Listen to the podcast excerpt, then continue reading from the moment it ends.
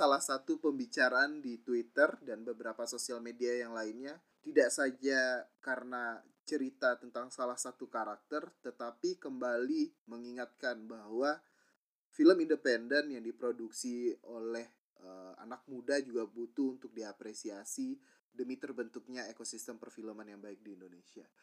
Jadi pada kesempatan kali ini kita bakalan uh, ngobrol lagi bersama Adi Osman tentang bagaimana film-film di Indonesia yang belakangan ini sering menjadi perbincangan.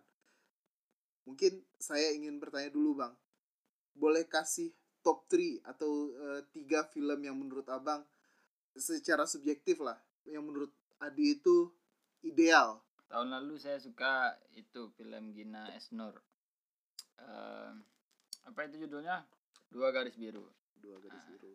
Satu. Itu saja lah, loh okay. Kenapa saya suka itu? Jadi uh. selain ceritanya yang saya kira cukup sederhana dan tidak dan apa ya uh, uh, sederhana dan katakanlah cukup tidak mainstream. Kemudian secara estetik uh, dia juga uh, katakanlah sinematikanya juga luar biasa jadi seperti misalnya shot-shot uh, strawberry shot-shot um, gang-gang jalan itu latar-latarnya itu cukup menguatkan secara menguatkan cerita-cerita yang dibawanya. Jadi ada dialog secara visual yang itu yang salah satu, salah satu poin yang sangat saya suka dari uh, film dua garis biru. Dua garis biru yang kalau kita lihat Eh, film-film yang seletingan dua garis biru itu dua garis biru itu yang diputar di bioskop-bioskop kita itu sangat jarang kita temukan hal seperti itu. Saya juga mengingat yang paling saya ingat juga adegan itu bang, bagaimana Zara eh siapa ya yang di uh, karakter yang diperankan oleh Zara itu pertama kali sampai ke kampung jalan ke yeah. rumah itu masuk yeah. ke gang dan rasanya sangat jauh yeah. bertemu dengan fenomena-fenomena sehari-hari kan yeah yang tidak pernah uh, dilihatnya sebagai kela, uh, karakternya itu kelas menengah. Ya, benturan antara kelas bawah dan kelas atas itu kan. Iya. Itu juga cukup secara visual di di ditegaskannya bukan secara dialog atau apa gitu kan. Nah, Adi kan sangat menggarisbawahi bagaimana penceritaan film dengan ya. melalui visual. Hmm. Emangnya yang Adi lihat ada permasalahankah dari film-film di Indonesia yang lebih banyak mengutamakan dialog untuk menceritakan sesuatu?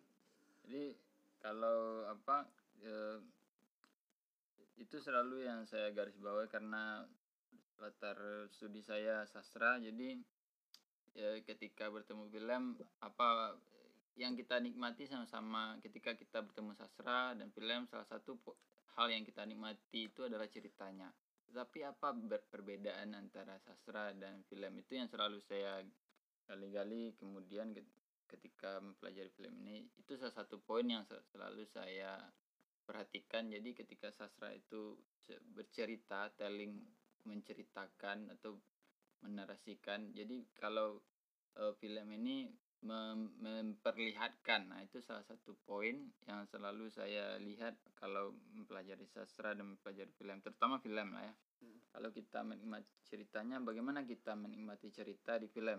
Nah, bagaimana pula kita menikmati cerita di sastra? Begitu kira-kira yang selalu saya perhatikan di film. Jadi jadi kemudian itu salah satu patokan bagi saya kenapa film ini e, menarik. Apakah permasalahan tentang sudut pandang contohnya lebih ekstrim sudut pandang ideologi dalam sebuah film. Menjadi pertimbangan Nadi untuk memilih sebuah film? Ya tentu saja juga itu juga. Oh, kalau berpihak kalau persoalannya persoalan cinta-cinta remaja kelas atas saja tentu tentu tidak terlalu saya perhatikan. Nah. benar lah. Nah, nah. tidak tidak ada itunya langsung pada kita kan. Nah, nah itu maksudnya uh, bagaimana kita dari dulu di Nina Bobo kan dengan sinetron yang menggambarkan bagaimana percintaan yeah. masyarakat kelas atas gitu loh. Hmm. Uh, selain dua garis biru, itu kan sebenarnya dua garis biru itu film yang uh, menarik walaupun klise kan, yeah. percintaan antara orang kaya hmm. dan orang kurang mampu. Yeah. Tapi bisa digambarkan dengan uh, cukup realistik kan. Yeah. penegasannya tidak hanya persoalan bagaimana kultur orang atas bercinta atau menjalin hubungan asmara. Jadi di film itu salah satunya bagaimana benturan antara kelas kultur kelas-kelas itu. Itu salah satu poin juga. Jadi misalnya kalau kita lihat yang cinta antara kelas kalau misalnya sinetron kan juga banyak itu uh, pacarku uh, penjual uh, es keliling misalnya kan. Jadi yang kuat di sana tentu terus di framing itu uh, kultur uh, kelas atasnya kemudian bagaimana kelas atas meng, mengiban me, mengimani atau mengimami ya me, mengimami kaum kaum tertindas atau kaum tertindas kaum, kaum kelas bawah lah. Iya, iya. uh, ini juga yang menjadi apa ya uh, pan apa menjadi bahan pemikiran saya bagaimana impact film terhadap kultur soalnya kan di beberapa film belakangan apa perpaduan antara film dan musik uh, kita sebut saja folk atau independent atau indie itu menjadi apa ya cukup menjamur ya di beberapa film dan saya lihat fenomena itu dimulai dari film filosofi kopi selain uh, musik juga akhirnya kan pasca filosofi ah itu juga bang dampaknya terhadap lingkungan filosofi kopi menjamurnya uh, senja ya. kopi anak ya. indie ya. film 5 cm mendadak orang pengen naik gunung semuanya yeah, yeah. gitu. Tapi sebenarnya seperti filosofi kopi itu sebelumnya pernah juga dibahas kawan-kawan di atas ini. Sebelum di apa ya? itu meta di, cinema di, di apa?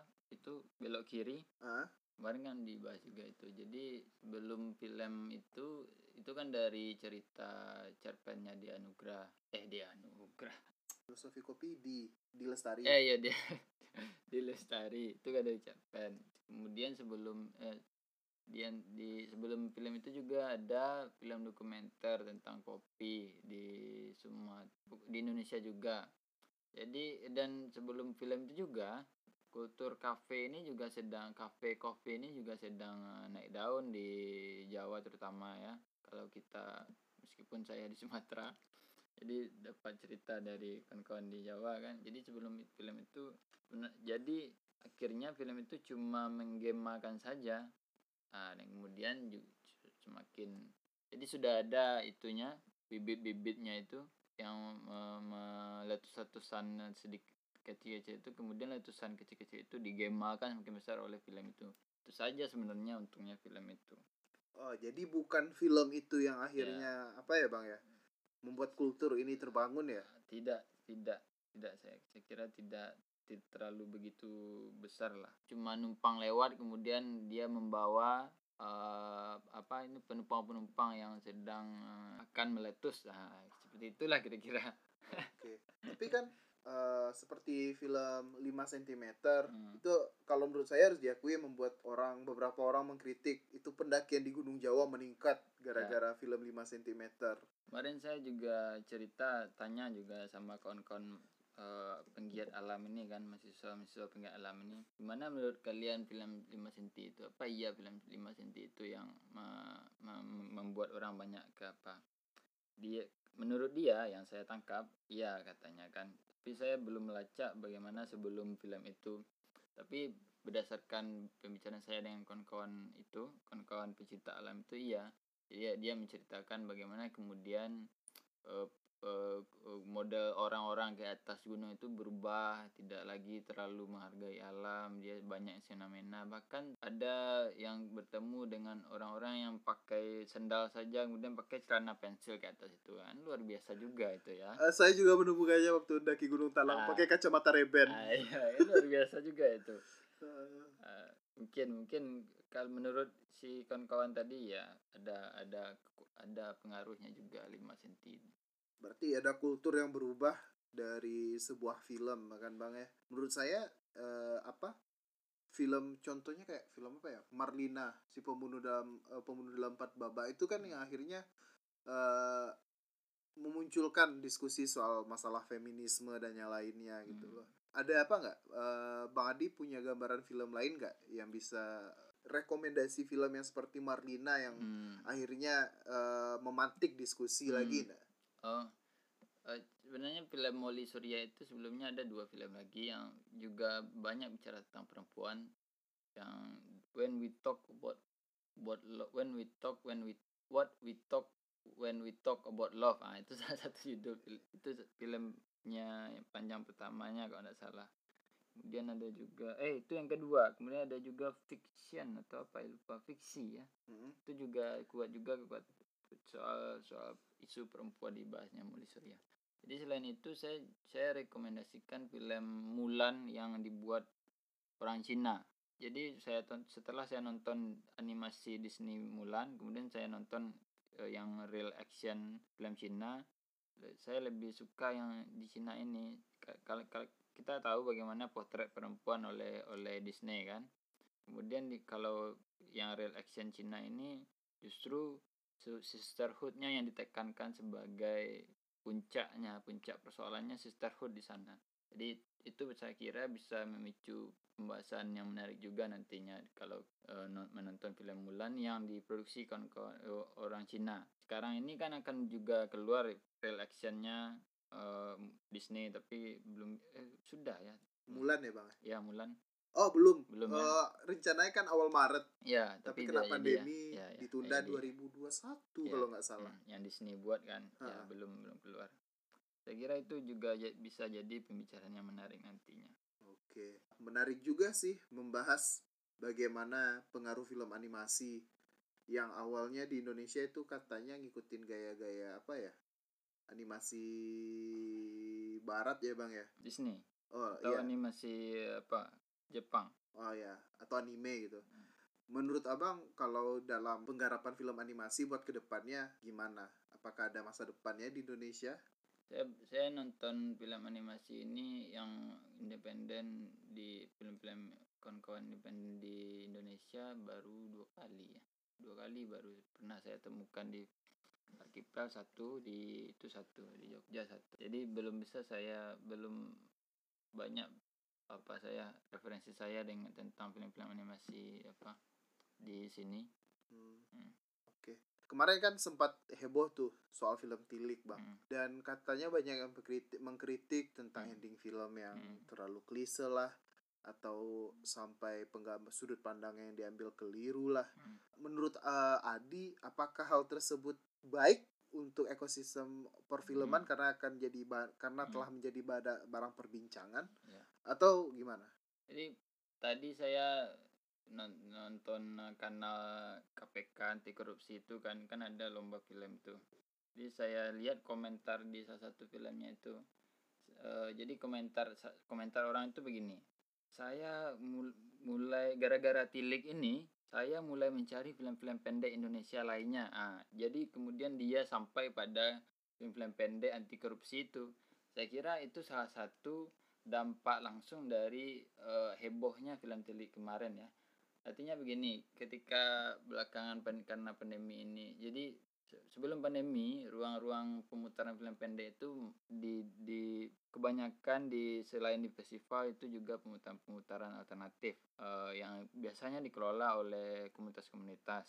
Jadi dan kemudian setelah beberapa tahun diedarkan seperti didistribusikan lewat festival dan dan layar-layar alternatif itu baru kemudian dipublis di eh, media sosial seperti Tili ini kan dipublis diproduksi tahun 2018 Iya, baru kemarin dipublis di YouTube kan iya. Padahal sebelumnya juga pernah diputar di JAV bahkan dapat penghargaan di JAV 2019 atau 2020. Jav itu apa? Festival Film Jet Jogja Netpack Film Festival Oh, Nah. oh, itu tadi. Nah, Ya. ah, ah. yang di Jogja Festival Internasional Jogja. Dia juga pernah diputar di sana. Nah, jadi artinya ya, apa ini heboh tilik kemarin ini juga apa ya? Selain memicu eh, orang-orang untuk mencari film-film pendek Indonesia yang yang umumnya diproduksi oleh anak-anak muda atau kat- katakanlah secara independen diproduksi. Kemudian juga memberi semangat semacam semangat atau kekuatan kepada eh, Filmmaker. filmmaker untuk mempercayai ruang barunya ini media sosial semacam YouTube. Karena seperti saya katakan tadi sebelumnya itu distribusi utamanya itu adalah festival dan dan ruang-ruang alternatif tadi. Kemudian baru ke media sosialnya Nah, jadi saya kira itu salah satu poinnya juga dari sisi positif dari hebohnya film Tili ini. Uh, di samping kontroversi yang ditimbulkannya ya. Ya di samping kontroversi itu ya. Tapi menurut saya emang positif sih bagaimana hmm. perkembangan atau gelombang yang dibawa oleh film Tili kemarin. Uh, Oke, okay. uh, untuk menutup podcast kita uh, kali ini, hmm. saya kembali ke pertanyaan. Kasih rekomenda rekomendasi tiga film yang wajib untuk ditonton. Tadi pertama tadi kan, yang kemudian istirahatlah kata-kata.